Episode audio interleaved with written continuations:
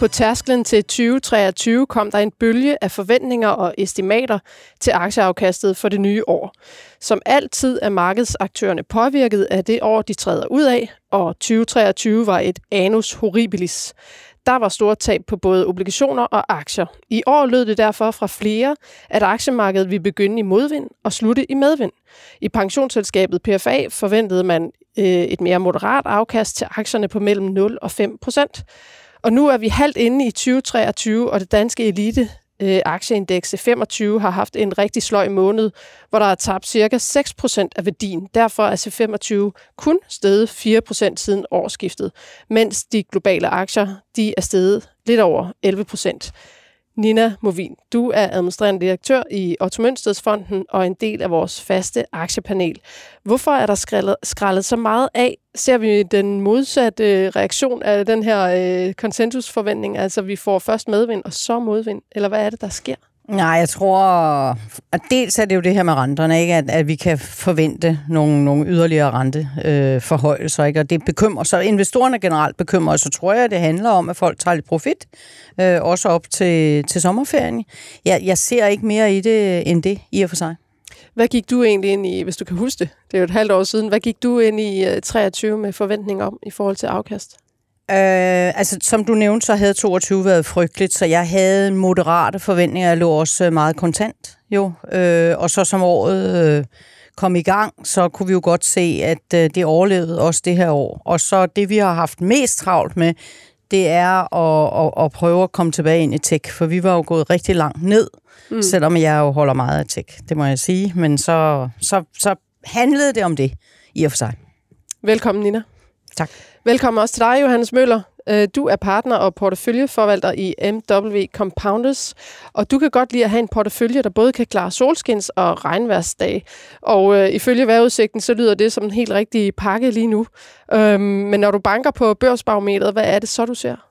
Jamen, jeg synes, at det, der har fyldt meget øh, i markedet i år, det har været de her store tech-aktier, som virkelig har drevet øh, det amerikanske marked, og det amerikanske marked er en stor del af det globale marked. Øh, der var nogen, der lavede en opgørelse, der viste, at, at alle kursstigninger var virkeligheden drevet af de syv største aktier. Hvis man tog ligevægtet afkast, øh, hvad de renter, altså hvis man tog markedet eksklusivt de syv store tech-aktier der, så, så havde afkastet været flat. Så som aktiv forvalter, jamen, så, så er din, din performance i år, den har været meget drevet af, hvordan du har været øh, vægtet i de der tech-aktier, om du har haft nogle af dem inde i porteføljen. Hvordan er det så gået? Jamen, det, vi er lidt bagefter. Altså, vi er steget 7% øh, i år. Jeg tror, det er 1-2% efter markedet. Og øh, vi har nogle tech-aktier, men vi har ikke nok.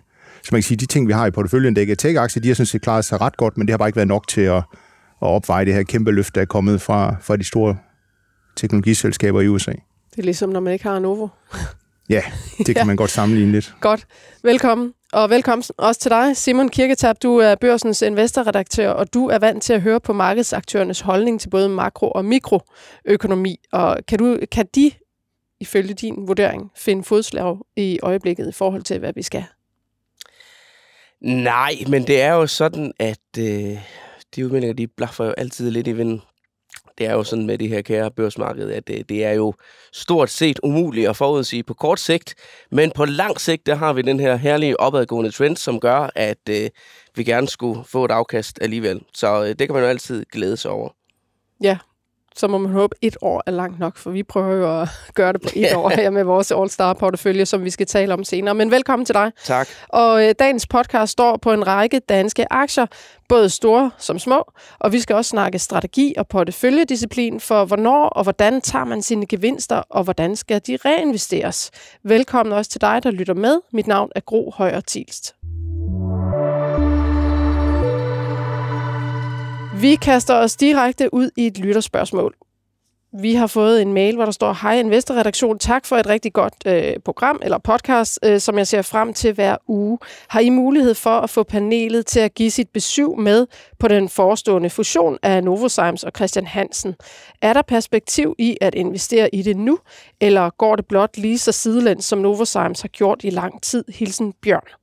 Og øh, først og fremmest tak for spørgsmålet, Bjørn. Og så rækker vi lige ud til Lars Hyting, aktiechef i øh, Arta Kapitalforvaltning, for du er også en del af vores faste øh, paneldeltagere. Øh, Velkommen, Lars. Ja, tak. Først og fremmest, bare lige for at slå det fast helt teknisk, Christian Hansen aktionærer, de modtager cirka 53 nye Novozymes aktier for hver, øh, øh, for hver øh, Christian Hansen-aktie, de ejer. Og dengang øh, nyheden kom frem om den her fusion, der svarede det til en overkurs på cirka 49 procent.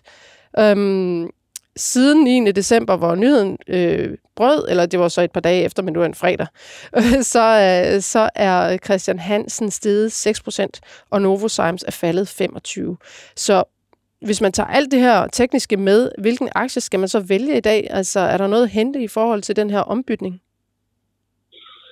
Altså, det vi øh, i hvert fald gjorde hos os til at starte med, det var at ja, simpelthen lægge alt over i, Christian Hansen i forhold til den præmie, der, der nu engang var. Øh, det er sjældent, at arbitrage det figurerer i markedet, men, øh, men det her var der i hvert fald noget derhen af.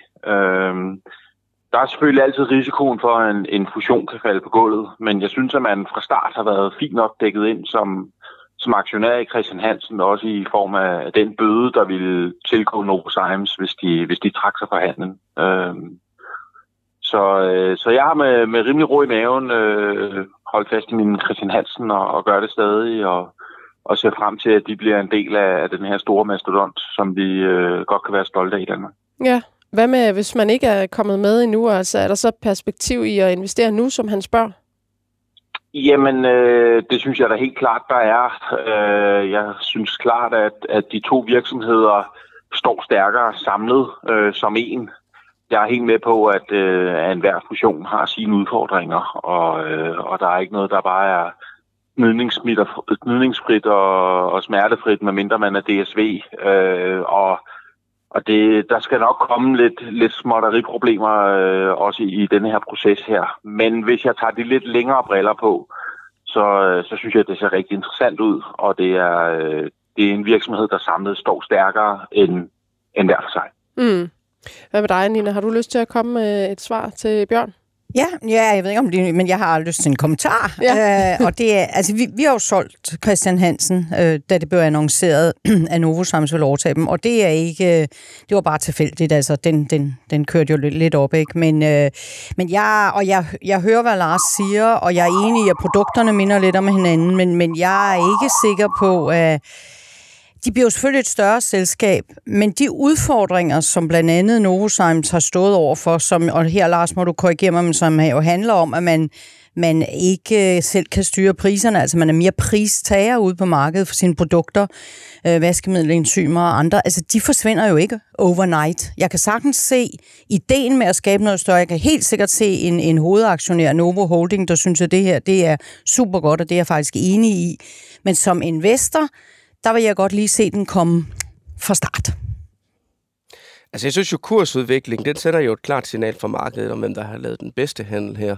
Novozymes er, er kraftigt nede, Christian Hansen er stedet lidt. Og det er jo egentlig meget i tråd med den situation, der oftest opstår, når der bliver lavet et opkøb, at det købende selskab, de får som regel ikke ret meget værdi ud af det, men hvorimod dem, der sælger, de får en kortsigtet gevinst. Altså, vi synes jo, at det her fusion er sådan et eksempel på imperiebyggeri. Altså, vi mener, at Novozymes betaler alt for meget for Christian Hansen. Og øh, det gør de øh, ikke for at skabe værdi for aktionærerne i Novozymes, men fordi at ledelsen synes, det kunne være dejligt at skabe den her store globale virksomhed. Og øh, vi har ikke lyst til at investere i selskaber, hvor det er imperiebyggere, der sidder for bordenden, så derfor er den ligesom screenet væk fra vores investerbare univers på nuværende tidspunkt. Okay. Godt. Jamen øh, lad os øh, straks glide videre, fordi øh, vi kan jo ikke snakke Christian Hansen uden også at komme ind øh, på de her blandede signaler. Selskabet sander i øjeblikket øh, på forsiden af børsen tirsdag og også i dagens avis, eller i onsdagens avis, kan man læse om, hvordan man i Christian Hansen har holdt den regnbuefarvede fane til støtte for LGBTQ miljøet så højt, at det har provokeret så meget, at den danske ingrediensvirksomhed har fjernet alle de regnbuefarvede Christian Hansen-logoer og offentlige LGBT plus fortællinger øh, fra sin ansatte på diverse sociale medier. Udad til er fanen altså rullet godt sammen, men selskabet støtter stadigvæk den danske Pride-parade i København øh, økonomisk. Og i børsen udtalte Vinnie Bygel, viceadministrerende direktør for Compliance Affairs, citat, i øjeblikket oplever USA en bølge af boykots og trusler imod virksomheder – der viser deres støtte til Pride offentligt. Det har desværre også ramt Christian Hansen i lighed med mange andre virksomheder. Citat slut. Og øh, det kom så senere frem, at der er tale om en enkelt amerikansk kundes utilfredshed. Øh, vi kan ikke vide, om der er flere, men det er i hvert fald noget, de så har sagt, at det var tale om i hvert fald én kunde. Øh, tirsdag åbnede aktien Christian Hansen øh, med et lille plus og øh, lukkede med en lille stigning på 0,53 procent, og der var ikke de store bevægelser heller i Novozymes. Lars Hyting, altså hvor interessant er den her sag øh, for investorerne, eller hvor stor en risiko udgør den? Øh, ah, det, jeg må ærligt indrømme, det er ikke noget, jeg har tillagt synderlig øh, stor værdi endnu, i hvert fald. Øh, Nej, der, nu, der, fordi... Der skal, ja. der, skal, der skal noget mere på bordet. Øh, lad os nu se, hvor, øh, hvor det løber hen, det her. Om, øh, om snebolden er færdig med at rulle, eller om, øh, om det skal, skal eskaleres yderligere. Øh, ja. altså, jeg bakker fuldt op om, øh, om alt, øh, alle de her tiltag i forhold til... Øh, til det, som, som Christian Hansen nu også har, det, det, de, det de gjorde, øh, og jeg synes, det er uheldigt, at det skal rulles tilbage. Øh, men man har selvfølgelig også et ansvar over for, for sine ansatte og, og så videre. Øh, så det er ikke noget, der endnu er flyttet ind på midten af, af mit skrivebord, det er det ikke.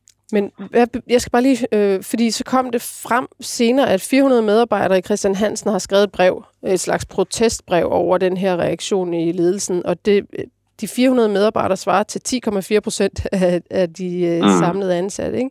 Altså, og ja. de kalder det for en skamfuld beslutning, og det, det er meget klar tone. Altså, betyder ja, det ikke noget på de interne linjer, at der er den her ja. øh, modstand? Igen, jeg vil gerne lige afvente og se, hvor, øh, hvor det driver hen det her. Ja. Øh, om det... Altså, det er, det er en uheldig situation, men, men uden normalt fanden på væggen, så lad os lige... Øh, lige tælle til 10 gang, og lige se, om ikke det er noget, der kan, kan blive løst. Ja. Øh, nu taler du... Øh, det, det er min holdning. Nu taler du sagen lidt ned, Lars, men det står i hvert fald klart, at det her er jo noget, der er eksploderet mellem hænderne øh, hos dem ude Christian Hansen. De har forsøgt på at holde det internt. De har ikke kommunikeret noget ud eksternt. Øh, vi opsnapper det så her på børsen, hvad det er, der er sket. Og så skal jeg altså mm. love for, at den historie går virkelig ud i uh, medielandskabet her i Danmark. Det var uh, i uh, TV-avisen i går, det var i TV2-nyhederne. Det har virkelig uh, bredt sig som en, en steppebrand. Og det er jo en meget, meget uh, bred sag med en stor appeal, som jo, uh, det siger jo også noget uh, om det, at vi kan sidde her i en investor-podcast og, og, og snakke om en, en sag, der vedrører, uh, hvordan man går ind i mangfoldighed. Og det kernen i det her er jo egentlig, at det jo, det er jo idealisme, som møder en eller anden grad af kapitalisme. Og det er jo nemt at være idealistisk til synlædende, lige indtil, at man står over for, at øh, det måske rammer ind i øh, omsætningen. Men det er vel også dårlig ledelse, eller hvad, Nina? Det er da mega de er dårlig ledelse. ja, de er jo handlet en shitstorm, og de er altid ja. svære at komme ud af, og jeg er glad for, at du hiver det op på sådan et højere niveau, for jeg tror, det ramte dem først, og så kommer det også til at ramme andre. Så jeg tror desværre, man ser sådan rullen tilbage. Men når det er så sagt, så skal virksomheden jo ud og tage et samfundsansvar, og de skal kunne rekruttere medarbejdere. Og det her, det handler blandt andet om det. Og så er der hele øh, kundesiden. Så dårlig ledelse. Ja, altså, eller bare det, at tingene skifter. Man har tænkt, nu skal vi tage, vi skal gøre, vi skal gøre, og så pludselig så møder man I hvert fald en kæmpemæssig kommunikationsudfordring. Det er jo et udtryk for, at øh, marketingsafdelingen har blandet sig i ESG-arbejdet. Altså, man, man forsøger ligesom at markedsføre sig nogle på nogle værdier, som man åbenbart ikke vil stå på mål for, øh, som man kunne stå på mål for, så længe at det går godt. Præcis. Altså jeg synes jo, virksomheder de generelt skal gøre meget mere for at gøre samfundet til et godt sted at være i, men jeg synes, de skal fortælle meget mindre om det. Altså man skal ikke gøre gode gerninger til en PR-sag, og det er, det, man, mm. det, det er lidt det, Christian Hansen de har gjort her, og derfor får de smæk for det nu. Og det er jo den lære, andre virksomheder de kan gøre. Prøv nu at få lidt, der skal ligesom være niveau mellem de, ting, de gode ting, vi gør, og hvor meget vi så fortæller om det. Det er jo, hvis der er ubalance mellem de to, at virksomheder kommer i problemer. Det er jo ligesom landsholdet sidste år. Ja, men der er noget show, don't tell it mm, præcis. i det her. Altså, når man øh, arbejder med øh, historieformidling, så er det jo det der med ligesom at, at, at, at illustrere, at hvad man gør, i stedet for, at, øh, altså, at det udelukkende er øh, virkelig det der med at få malet øh, signalværdien op. Man skal altid spørge sig selv, hvis man overvejer sådan noget her. Hvis der nu ikke var nogen i hele verden, der fik noget at vide om den her gode ja. gerning, vil jeg så gøre det alligevel? Hvis man vil det, Præcis. så er det jo et udtryk for en, en ægte indre værdi, og så vil man også stå på mål for den, selv når der kommer modvind. Lidt mere ydmyghed. Men faktisk så er det jo en større sag, der har øh, kørt i øh, næsten to år efterhånden i USA, altså hele det her ESG, hvor øh, Larry Fink, der er topchef i BlackRock, øh, verdens største kapitalforvalter, han har faktisk øh, for nylig været ude at sige, at han vil simpelthen ikke bruge det der akronym ESG længere, øh, fordi det er blevet så politiseret. Og ESG er jo ikke en holdning. Det er jo et værktøj. Det er et analyseværktøj, man kan vælge at bruge, og det har ikke en holdning. Ligesom teknisk analyse har ikke en holdning. Det er jo den, der styrer redskabet, der tager nogle subjektive valg. Så det er derfor, det er sådan... Jeg synes faktisk, at der er gang i en større bølge, Præcis. hvor folk netop har en eller anden hurtig holdning, som de ikke står på mål for. Men på ESG-siden, og jeg er helt enig i, i det der, og det handler meget om, at man nu begynder at kigge på, hvor meget bevæger selskaberne sig, altså hvor meget gør de faktisk, i stedet for at de melder nogle ting ud, for der har det jo været meget øh, brugt, at man melder noget ud, men man har ikke, at vi vil ikke det, og vi vil ikke det, især eksklusioner, men man har ikke rigtig tænkt sig over, hvordan skal vi implementere det, så jeg tror, det er rigtig vigtigt, at man som selskab siger, vi vil det her, og hvordan vil vi implementere det? Så man ligesom tager begge dele, og, og hvad betyder det, når vi implementerer det sådan her? Godt. Lad os øh, afrunde øh, den sag, og så hoppe videre over mod øh, Lundbæk og se, om øh, øh, hvad hedder det, om der kommer en rigtig shitstorm mod Christian Hansen. Lundbæk, de har i hvert fald været inde i en, øh, og senest da de øh, lavede den her, øh, de indførte en A- og B-aktiestruktur for at forbedre mulighederne for store opkøb, uden at hovedaktionæren Lundbæk-fonden skulle miste kontrol over medicinalselskabet. Og Lars Hytting. Nu har selskabet øh, her for nogle dage siden meddelt, at deres topchef Deborah Donsher afløs, afløses af sydafrikaneren sydafrikaneren Charles van Syl, jeg ved ikke, om jeg udtaler det rigtigt, men øh, et ledelsesskift, der pakkes ind i fortællingen om, at hendes opgave er fuldført. Er den det? Altså, jeg synes jo, den var i fuld gang. Øh, og jeg synes, det, det er et, et mærkeligt og lidt uheldigt tidspunkt at, at skifte topchef på her øh, midt i processen. Øh, altså, Debra har været der i, i fem år, og for fem år siden, der ville jeg ikke røre Lundbæk med en ildtang. Og det var simpelthen øh, grundet et, et mangeårigt tillidsbrud, øh, følte jeg som, som aktionær. Øh, men jeg kan jo ikke lade være med at føle selskabet alligevel. Og, og der er der stille og roligt kommet mere med ind på tillidskontoen. Øh, øh, selvom at situationen på Lundbæk har været, har været udfordrende, så synes jeg, at det er som om, der har været, været bedre styr på de, på de indre linjer. Øh, og derfor så har jeg også med indgangen til 23 øh, dyppet tærne lidt og, og taget en position, øh, som, ja, som har givet 30 procent i år, og det er jo, det er jo glædeligt, men, øh, men når der så kommer sådan et skifte her midt i det hele, så, så gør det da også, at jeg overvejer, om, om det så var det. Øh, altså... Ved man nok jeg, om nye... Jeg, Ja, jeg, jamen altså, jeg, jeg kender ham ikke, øh, og selvfølgelig skal manden have en chance. Han er ikke totalt uprøvet i forhold til, til hvad Lundbæk beskæftiger sig med. Altså, det er ikke bare fordi, man har fundet en eller anden tilfældig. Jeg synes bare, at der var noget under opbygning, som faktisk er rigtig god mening. Og der er altid en usikkerhed, når der kommer en ny CEO til, uanset hvordan vi vender og drejer det. Og, og der ved jeg ikke lige, om min tillidskonto, den, øh, den kan tåle mere. Øh, det, det, det overvejer jeg ret kraftigt lige i øjeblikket. Jeg synes, det er uheldigt for Lundbæk. Men det er jo så fint, bestyrelsen de siger, at hendes øh, ledelsesmæssige opgave er afsluttet. Ja, det er den da så i hvert fald, når de beslutter sig for, at hun ikke skal være der mere. Det siger ja, sig selv. lige præcis. Altså, du kan jo også øh, se, hvordan markedet har reageret på det. Ikke? Øh, det er jo ikke mig, der har ligget og solgt mine aktier, øh, men der er tydeligvis nogle andre, der heller ikke er er voldsomt begejstret for det her. Øhm, altså, det har været nogle tumultariske år. Lundbæk har, ja, undskyld udtrykket, det har været lidt svineri med aktionærernes penge, sådan som der er blevet strået til højre og venstre med diverse dyre opkøb, som ikke har, har givet en brud. Øh, og, og nu er der endelig udsigt til noget, der kan begynde at give mening, og så, så skal vi starte forfra igen. Altså, jeg, jeg synes, det er uheldigt. Det er min, øh, det er min holdning, og, og det ser ud til, at der er nogen, der deler den. Mm. Den er så ikke faldet lige så meget som nyheden om Carsten Helman i Alk. Altså, da han, det blev annonceret, at han skulle forlade selskabet. Nej, den er jo det er faldet 20 procent. Det er en helt anden situation. ja, det er klart. Øh, fordi det var jo, det er jo en fyring. Øh, og, og det tolker jeg bestemt ikke det her som. Nej. Hvad siger du, øh, Nina? Har du en holdning til det her? Ja, altså, jeg har også været inde i øh, Lundbæk i forbindelse med det her AB, hvor den til sidst bare var, var kommet så langt. Men jeg er altså solgt igen. Øh, jeg synes, det ser planlagt ud. Jeg tror måske, hun ovenikøbet selv har været med til at rekruttere den nye, eller i hvert fald givet, givet navne. Det er i hvert fald en landsmand. Det er nemlig en landsmand. Han har noget, øh, noget baggrund inden for CNS, altså centralnervesystemet.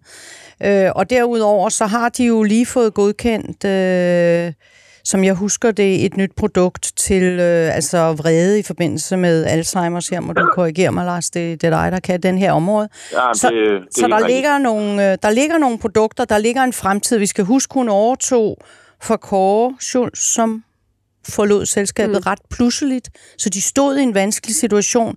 De rekrutterer hende her. Vi ved ikke, om det har været en femårsaftale. Det ser meget planlagt ud.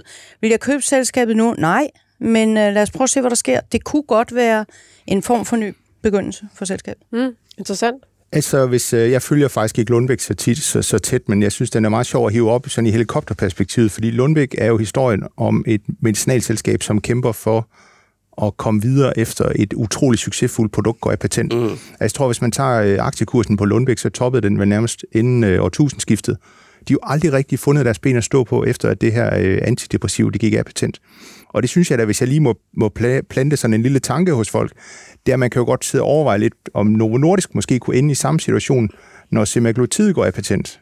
Fordi det bliver jo et kæmpe produkt på det tidspunkt. Hvad verden skal de gøre for at erstatte det produkt? Det er i hvert fald sådan noget, man som investor på et eller andet tidspunkt skal begynde at overveje. Det må vi tænke over hen over sommeren. Lars Hytting, mange tak for din indspark og tid. Rigtig god sommer. Tak i lige måde.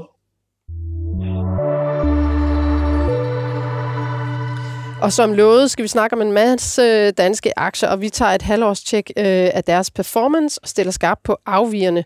Øh, de bedst performende og de værst performende aktier. Og Simon, det har du simpelthen lovet at, at tage os omkring, ja. altså hele det danske aktiemarked, hvor vi også kommer ind i, i de helt små papirer. Hvordan ja. ser det egentlig ud? Jamen altså, jeg kan jo godt lide det der med at dykke helt ned til de mindste selskaber også. Fordi der, der, der er nogle af de sådan lidt mere farverige, kulørte historier også. Så øh, hvis nu vi bare tager listen op fra og kigger, hvad har så været års investeringer indtil videre, så vil jeg da gætte på, at der er nogle selskabsnavne øh, iblandt, som ikke sådan lige er super kendte ude i øh, den øh, brede danske investoroffentlighed. Men øh, årets bedste aktie indtil videre, det er øh, Scandinavian Brake Systems. Nina Johannes, er det øh, noget, I Aldrig hørt om. har beskæftiget jer med nogensinde? Fra Svendborg. Præcis, præcis. øhm, den er steget 191 procent, og øh, det er den faktisk på, at øh, de har lavet et øh, frasalg her sidste år, hvor, øh, eller i 21 faktisk, øh, hvor at øh, prisen for det datterselskab, der hed øh, SBS Automotive, den bliver først øh, fastsat her i, øh, i øh, 2023, og det gør, at investorerne de har udsigt til et øh, meget, meget stort udbytte på den her aktie. Og man har estimeret det til, at det bliver mellem 10,6 og 15,4 kroner per aktie. Og med den her optur, der har været i aktien, der er den så nu oppe i øh, kurs 19. Men øh, den kom helt ned fra kurs 5, så øh, det har virkelig været en øh, stjernegod investering, det her. Men det er et mindre selskab, der ligger med en markedsværdi på blot 61 millioner kroner. Ja. Så øh, vi er langt fra øh, C25 her. Nummer to på listen, det er Scape Technologies, der har givet et afkast i år på 124 procent. Og inden vi lige øh, løfter armen op over hovedet, så skal vi lige huske, at øh, det er et øh, de her vækstselskaber øh, uden virkelig meget vækst. Aktien den er faldet 80 procent øh, siden det blev børsnoteret i øh, 2018, og øh, de har haft øh, evigt underskud i den periode. Så det er virkelig bare en aktie, der er blevet trykket ekstremt meget, og så skal der jo ikke ret meget til, før den, øh, den kan løfte sig. Så nummer tre på listen, det er Elfarm Brewing. Det er også et af de selskaber, der er noteret på vækstbørsen First North. Det var faktisk et selskab, jeg var ude og besøge for nogle uger siden. Øh, stifteren øh, Kasper Tidemand, der har faktisk en baggrund hos øh, Facebook. Øh, kom hjem derovre fra for otte år siden, ville øh, arbejde med noget andet end øh, programmering, lavet bryggeri, børsnoterede det for nogle år siden, har kæmpet lidt med at få, øh, få væksten sådan virkelig op i gear og kæmpet med indtjening. Det ser ud til, at øh, han har fået det, det vendt øh, til, at øh, der er øh, der kommer positiv cash flow i år. Lars Hytting, som vi havde med på en telefon før, han har faktisk investeret i det privat også. Så den aktie, den er nu op med øh, 90% i år, men det er endnu en af de her, hvor vi lige skal notere os, at øh, den blev altså børsnoteret til kurs 5, og lige nu er kursen 2,32, så hvis man øh, gik ind i den, da aktierne blev solgt, så har det stadigvæk ikke været nogen super historie. Nummer 4 på listen, det er Orpheusheim, som jo virkelig, virkelig ikke er nogen særlig god historie, hvis øh, man sådan kigger længere tilbage. Det er et øh, biotech-selskab, som missede fuldstændig, hvad de håbede og havde lovet, de kunne levere til investorerne. Værdiansættelsen faldt fuldstændig sammen. Deres øh, middel øh, kommer aldrig nogensinde til at se markedet. Så det er egentlig bare en øh, tom børsskal, der er tilbage efter de her luftige drømme. Der er så sket det ret interessante i den aktie, at øh, to profilerede investorer, de har købt sig ind som øh, store investorer i det. Kommet i bestyrelsen også, det er en øh, gut, der hedder Michael Hove, som er inde i flere andre børsnoterede selskaber også. Og øh, Jakob Have hedder den anden, det er... Øh, øh, Jakob Have her har vi særligt et øh, godt kendskab til her øh, på børsen, fordi han er en del af det børspanel, vi har, der vurderer selskaber, der er på vej på børsen. Øh, han står bag et øh, selskab, der hedder Nordic Compound Invest. Jeg ved også, du kender ham, Johannes. I har delt kontor med ham på et tidspunkt. Ja, da vi startede vores firma, der lånte han, øh, eller der sad han i en del af vores kontor, men øh, han voksede, og vi voksede, så han øh, flyttede på et tidspunkt. Han havde nærmest bare et kosteskab, så på et tidspunkt så ville han gerne, han ville gerne have lidt mere flæs. Men de har ikke rigtig meldt ud, hvad de vil med den her børsskal. Og nu, øh, vi har jo prøvet at trykke dem begge to lidt på maven her, men øh, det er jo så øh, kursfølsomme oplysninger. Så de, de vil holder, gerne tjene nogle penge. De holder kortene tæt til kroppen, men de har jo nok en eller anden forkromet plan om, hvad den her børsskal skal bruges til. Så det bliver lidt spændende at se, hvad øh, de kommer ud med. Men altså, den er så op med øh, godt og vel 71 procent i år. Så har vi øh, Parken Sport Entertainment, øh, fodboldaktien, der er op med 66 procent i år. De vandt jo vist øh, mesterskabet har udsigt til nogle gode indtægter fra øh, Champions League, måske. Og så er der Totalbanken, øh, som står til at blive opkøbt, er op med 56 procent. Og SimCorp er sådan den eneste større aktie sådan blandt de, de bedste danske aktier i år. Men For, det, må jeg lige spørge om noget? Ja. Undskyld. Hvis vi ser bort fra Totalbanken, som jo er ja, med opkøbshistorien der, og SimCorp, så kunne jeg tænke, at det andet, det har ikke så meget med investering, men spekulation at gøre. Det tror jeg da, du har fuldstændig øh, ret i. Det lyder super spekulativt. Ja. Det er jo også nogle aktier, mange af dem, som har været presset voldsomt langt ned. Og så skal der ikke ret meget til, før end at, øh, at de, de flytter sig i, i, i opadgående retning. Og nogle af de her aktier, det er jo nogle meget, meget lave markedsværdier og meget, meget lavt free flow, der er ja. i dem. Så der skal ikke ret meget volumen til, heller for at kurserne de rykker sig rigtig meget. Så kunne vi gå videre, fordi vi det skal også vi lige omkring C25 nemlig. Det kan vi i hvert fald. Vi kan lige springe over til øh, årets øh, elendigheder i stedet for. Der har vi øh, den lille aktie, der hedder Brain Plus, ned med øh, 81% Value Holding ned med 69 Hydract ned med 67% Happy Helper ned med 66% Stenocare ned med 54 Samtlige de aktier, jeg nævner her, de er det til fælles, at øh, de er noteret i øh, den nedre del af markedet på vækstbørsen øh, First North. De har alle sammen kapitaludfordringer og har været ude og måtte søge ny kapital. Og nogle af dem er endda, styrer endda også mod afnotering. Blandt andet Valger, Happy Helper, de er snart fortid på børsmarkedet. Og Hydract, måske det samme. Det, øh, nu spekulerer jeg lidt, men øh, de har været øh, ude og melde ud af flere omgange, at de har kapitaludfordringer. Det var et selskab, som strøg ind på kurslisterne for nogle år siden, blev vist overtegnet med 800 procent eller sådan noget. En af de største overtegninger nogensinde på, på det danske børsmarked. Hvis jeg må give et lille tip til alle de her små aktier, som er faldet så meget på vej væk fra børsen, så synes jeg, at man som investor skal overveje, om ikke man skal se at få solgt sine aktier, inden de bliver afnoteret. Fordi hvis man ligger med sådan en unoteret aktie på sit depot, så kan man øh, løbe ind i nogle meget store depotomkostninger. Og det kan være, at aktien er faldet så meget, at man måske kun har aktier, der er 50 eller 100 eller 500 kroner værd. Og så ligger man altså med årlige depotomkostninger på måske 200 kroner eller sådan noget. Det var et godt tip. Men Hydract der øh, øh, har misset fuldstændig på, hvad de har meldt ud, at de forventede at sælge. Øh, de er kapitaludfordringer. De faktisk... Øh, Tilbage i april måtte de sige, at øh, de har været ude på en kapitaljagt, der var mislykkedes, men de vil fortsætte, og de har kapital til og med maj måned. Det seneste, vi så har hørt fra selskabet, det var lige præcis med udgangen af maj, at øh, de nu i et samarbejde med kreditorer og ejere har fundet en løsning, så man, havde, man kunne strække likviditeten til juni måned. Selskabet forhandler med flere mulige investorer positive forhåbninger til en løsning inden for kort tid. Nu nærmer vi altså, altså slutningen af juni, og der er ikke kommet nogen løsning endnu, så øh, der kan i hvert fald lige hejse et øh, potentielt advarselsflag om, at øh, der kan være en, øh, en ulykke på vej der. Men det er alt sammen mindre selskaber, det her. Hvis, hvis vi sådan skal tage et af de sådan større selskaber, der dukker op, når man går længere ned ad listen, som jeg synes der er interessant, så er det Chemometec, som jo virkelig har været en af de aller, aller største børssucceser i Danmark øh, over de seneste 10 år. Kom ned fra en kurs på 3,5 og ramte over kurs 1000. Det er et vækstselskab med en rigtig, rigtig flot indtjening. Vi har også talt om den tidligere her i podcasten. Øh, men værdiansættelsen af den er jo så også drevet voldsomt op. Og med de stigende renter, og Kibometics vækst måske har skuffet lidt, så er, øh, er aktien altså faldet voldsomt tilbage, og nu handler den øh, i kurs 438. Så det var sådan en rundtur i, øh, i den kulørte del af, af det danske børslandskab. Og så ved jeg, at du har fuldstændig styr på de større selskaber. Gro. Hvem er det, der har leveret det? Jeg Hvem kan har godt ikke? sige, øh, de bedste, øh, undskyld, performende aktier øh, i C25, det er Demand, 41 procent op, FL Schmidt 30 procent, og det her det er lukkerkurserne tirsdag. Så er det DSV 26 procent, Royal Unibrew 24 og Pandora 24. Øhm, Men kan I, ja, Man må jeg ikke lige stille spørgsmål til vores to skarpe investorer her. Er der nogle af de aktier, jeg nævner her, og, og de historiefortællinger omkring, hvor I tænker, ej, det lyder spændende, det må jeg da ud og have noget af? Altså, vi har jo i vores øh, firma, der har vi jo den politik, at vi ikke øh, investerer andre steder end sammen med investorerne nede i, i fondene, og vi har 700 millioner kroner i, i vores to øh, fonde, så det kan vi simpelthen ikke komme rundt i de der små navne med, desværre. Altså, Ja. vi, har ikke, vi har ikke private investeringer ved siden af.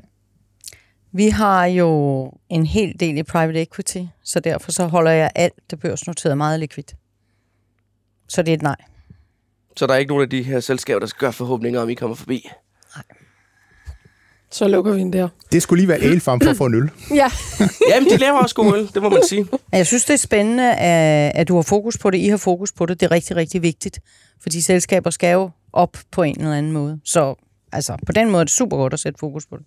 Noget af Det- det, der er lidt interessant ved det her selskaber, det er jo samtidig, at det er lidt... Øh, det er lidt mere håndgribeligt og lidt lettere at se ind i end øh, Novo Nordisk eller Lundbæk. Altså, man kan sådan lidt, altså, hvis man øh, sidder som mindre investor, altså, det er jo sådan, det er jo sådan et, et, sted, hvor det er lidt... Det er nemmere at vurdere forretningsmodellen. Plus, at du kan også komme ind og ud. Som Ja, ja, mindre ja. ja. investor. Du skal selvfølgelig, det er super risikofyldt, som du sagde, men, men som mindre investor, der kan du godt komme ind og ud. er de små? Det, det, er, jo, det er jo forholdsvis små Ja, beløb, det, du sætter i det forhåbentlig. Og så kan du komme ind og ud, men som stor investor, så altså, det kan jo ikke svare sig i klart nok. forhold til beholdningens størrelse. det er klart. Selv hvis du er, den stiger 100%, så er det jo det kun er lige så lidt, blip. ja. Ja, altså jeg, øh, jeg vil jo sige, det er meget spekulativt drevet øh, og meget hyped øh, og har været det. Altså hele den der børsbølge, der var for lige før corona og Jo, lige efter. jo det kan man, det kan man Ja. ja. sige, men rent faktisk, de selskaber i den del af markedet, der så er endt med at levere varen, Mm. det er Ja, jo ja. de selskaber, der har fået et kommercielt gennembrud, og som har lønsom vækst på bøgerne, eller hvis de ville, i hvert fald kunne lave et positivt cashflow. Så det er jo ikke spekulation. Det er jo, vil jo det er gerne jo- have det er et jo- godt, det er jo- øh, jo- børsmiljø, Det er jo reelle Altså- forretninger, altså selskaber som Free Trailer, Scandinavian Medical øh, Solutions, øh, hvem har vi ellers? Vi har Shape Robotics, øh, Store selskaber har været små engang. Ja. Det skal vi aldrig glemme. Præcis. Nå, men også bunden uh, af- Chemometic, det var jo også et selskab, som uh, faktisk blev børsnoteret inden finanskrisen. Jeg tror endda nogle lidt kulørte folk, jeg tror det var Peter Forkammer måske, Ja. ja. der førte den på børsen. Og så, så tabte de jo også 90 eller 95 procent og lå og plaskede for overlevelse. så Øh, så der kan jo godt ligge nogle selskaber på den her liste, som kan være dem, du kan tjene 100 gange pengene på de næste 10 år. Præcis, og spekulation kan jo sagtens være det, der skubber til kurserne på kort sigt. Men på lang sigt, og det gælder jo uanset om det er små eller store selskaber, så er det jo indtjening i selskaberne, der skal bære værdiansættelsen igennem. Hvis vi lige kigger videre på C25, så ligger i bunden Genmap med minus 13 procent i år. Vestas 12, altså minus 12, Novo Nordisk, eller undskyld, Bavarian Nordic minus 9, Novozymes minus 9 og Tryg minus 7. Hvis vi skal lære, altså kan man overhovedet kigge på top og bund, og så, øh, hvis vi lige parkerer den, og så belærer der de amerikanske tech-aktier, som jo havde det rigtig godt øh, lige indtil november cirka 21, havde et elendigt 22 og begyndte at stige i slutningen af 22 og så bare afsted øh, virkelig meget i år. de mangler dog at komme helt op til topniveauerne fra før de begyndte at falde. Altså, kan man godt se på, hvem er faldet mest, og så bruge det som en øh, teknik, og hvad er øh, stedet mest? Og altså, er det lidt for let?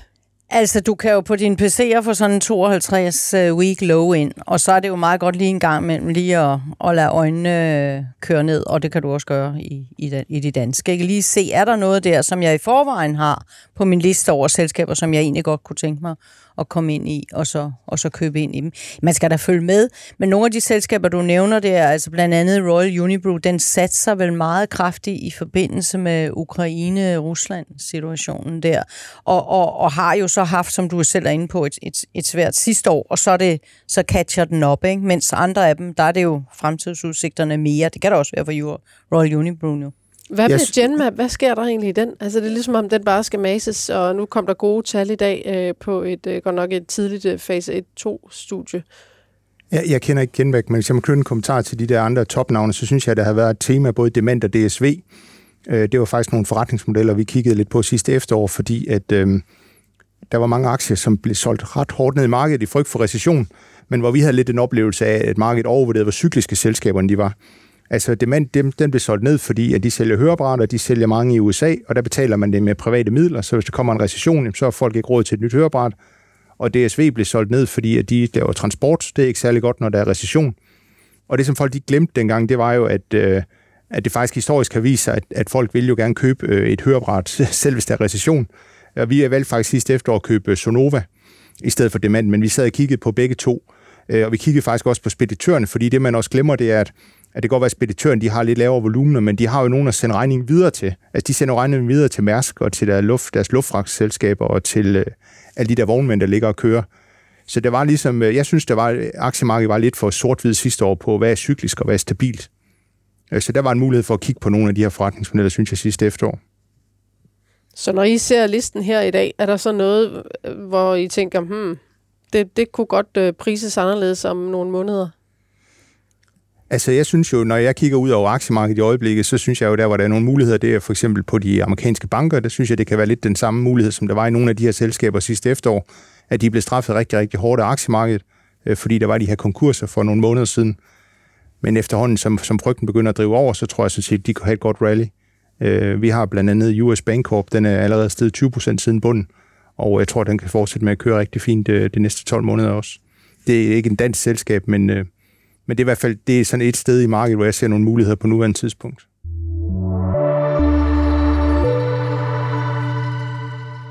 Kan man finde en opskrift på, hvornår man skal tage sin øh, gevinst? Det skal vi diskutere nu, for er det efter 10 procent, eller skal man først snuppe den, når man har hentet 100 procent, eller skal man helt lade være med at lade, og så bare lade vinderne løbe og acceptere de bump, der kommer undervejs? Øh, Nina, du må gerne svare først. Øh, du har nemlig været rimelig god til at tage de hurtige gevinster i vores All-Star-portefølje. Øh, har du en opskrift? Har du nogle tommelfingerregler, eller er det simpelthen bare et spørgsmål om den enkelte case?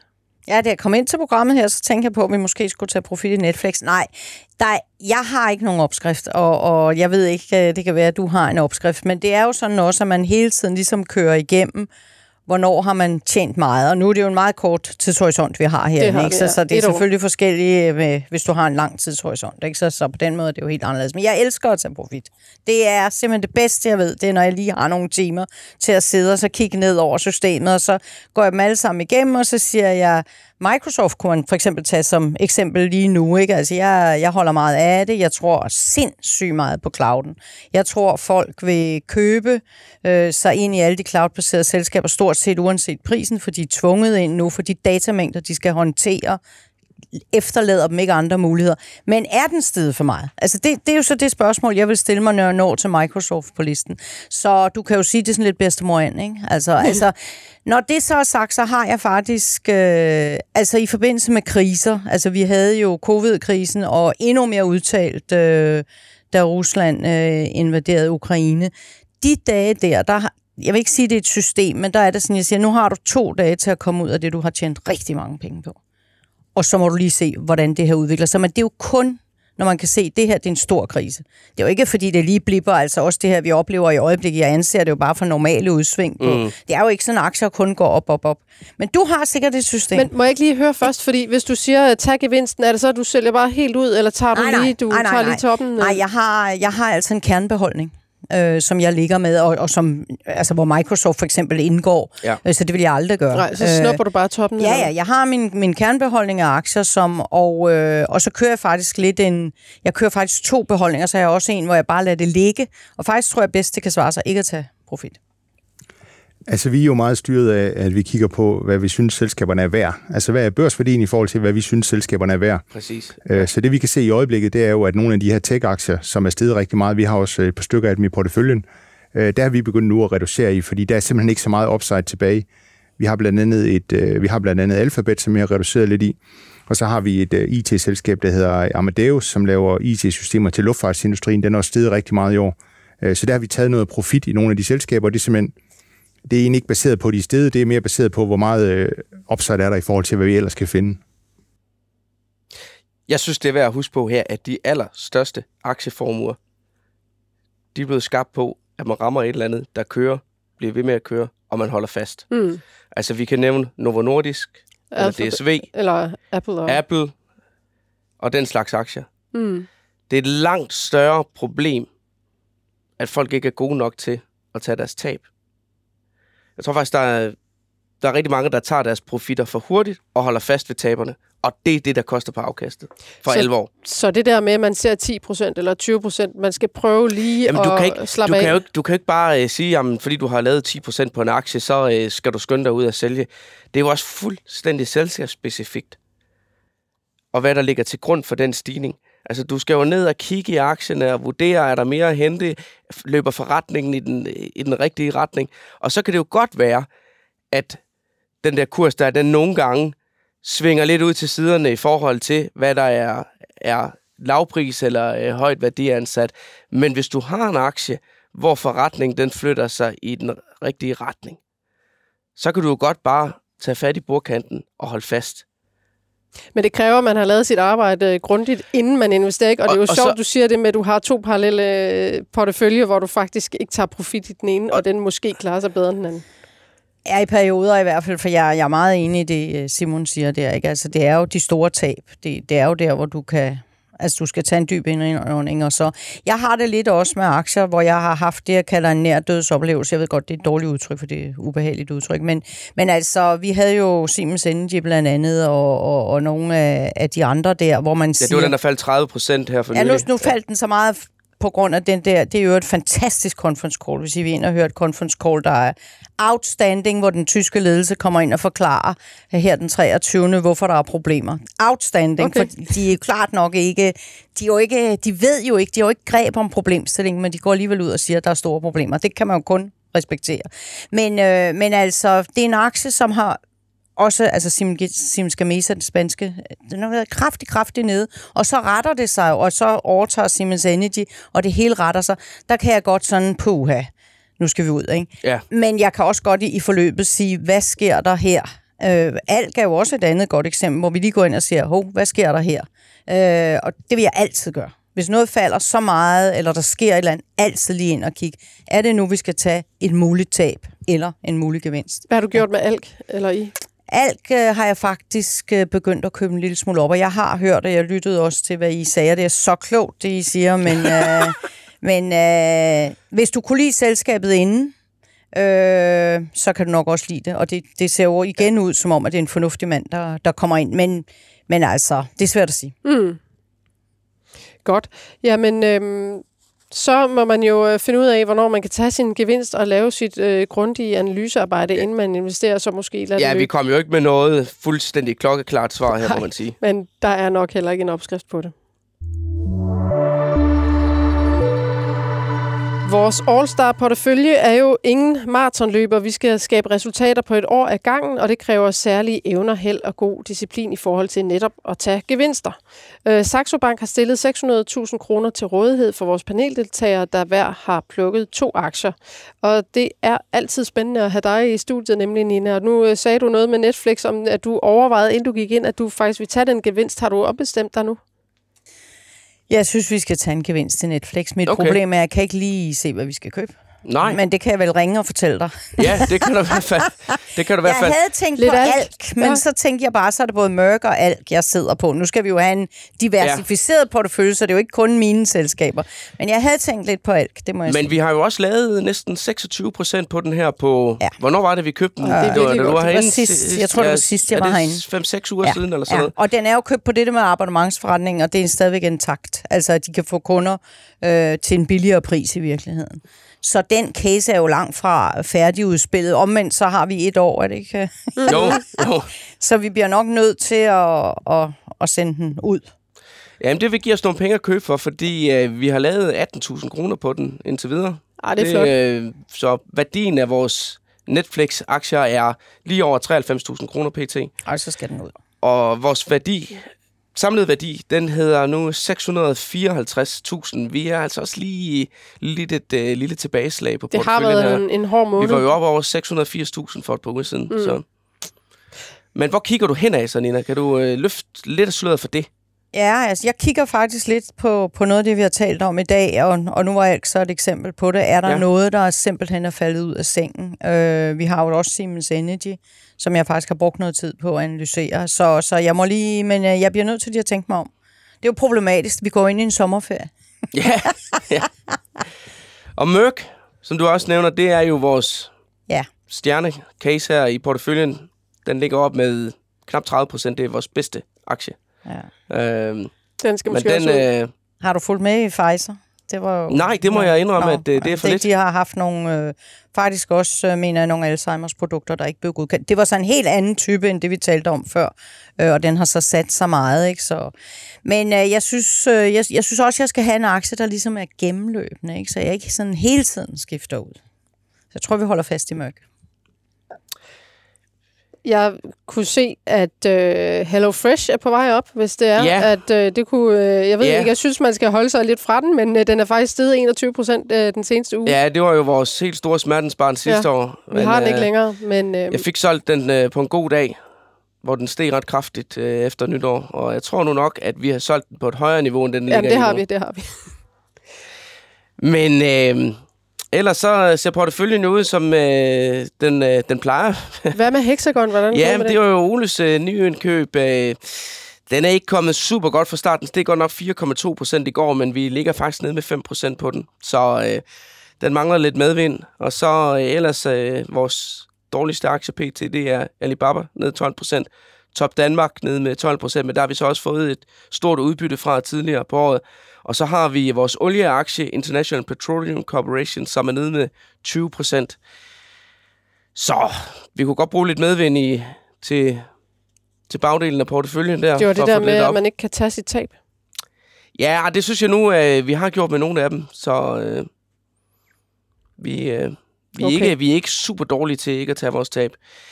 Men øh, porteføljeværdi på 655.000 lige nu, og så kan vi jo øh, sende øh, porteføljen på sommerferie her og holde fast i positionerne hen over juli måned. Og så lad os håbe, når vi øh, skal lave næste udgave af, af podcasten her i august, at så øh, har vi lavet en masse penge hen over sommeren.